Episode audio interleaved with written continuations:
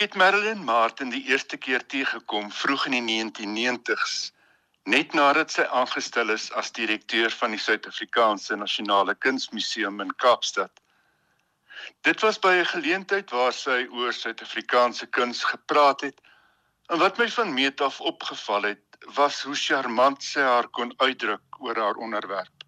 Gesaghebend en te gelykertyd uitnodigend.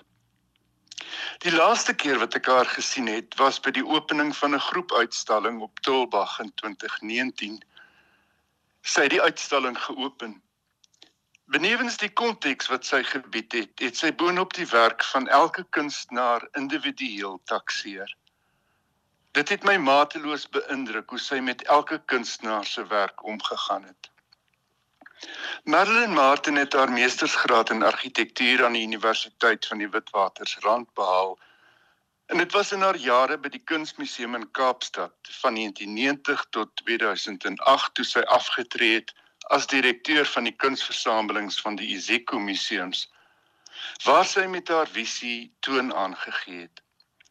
Sy het die kunsmuseum se oog wyeer gegooi in die rigting van die vasteland en die internasionale kunswêreld. In 2000 was sy byvoorbeeld die eerste keer op die paneel van die Dakar Biennale.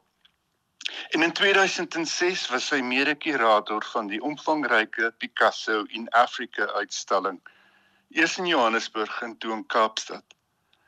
In 2010 was sy kurator van die Doi Makubela uitstalling, ook in Johannesburg en Kaapstad. As kurator was haar visie so primend as wat sy as kunsteadministrateurder was.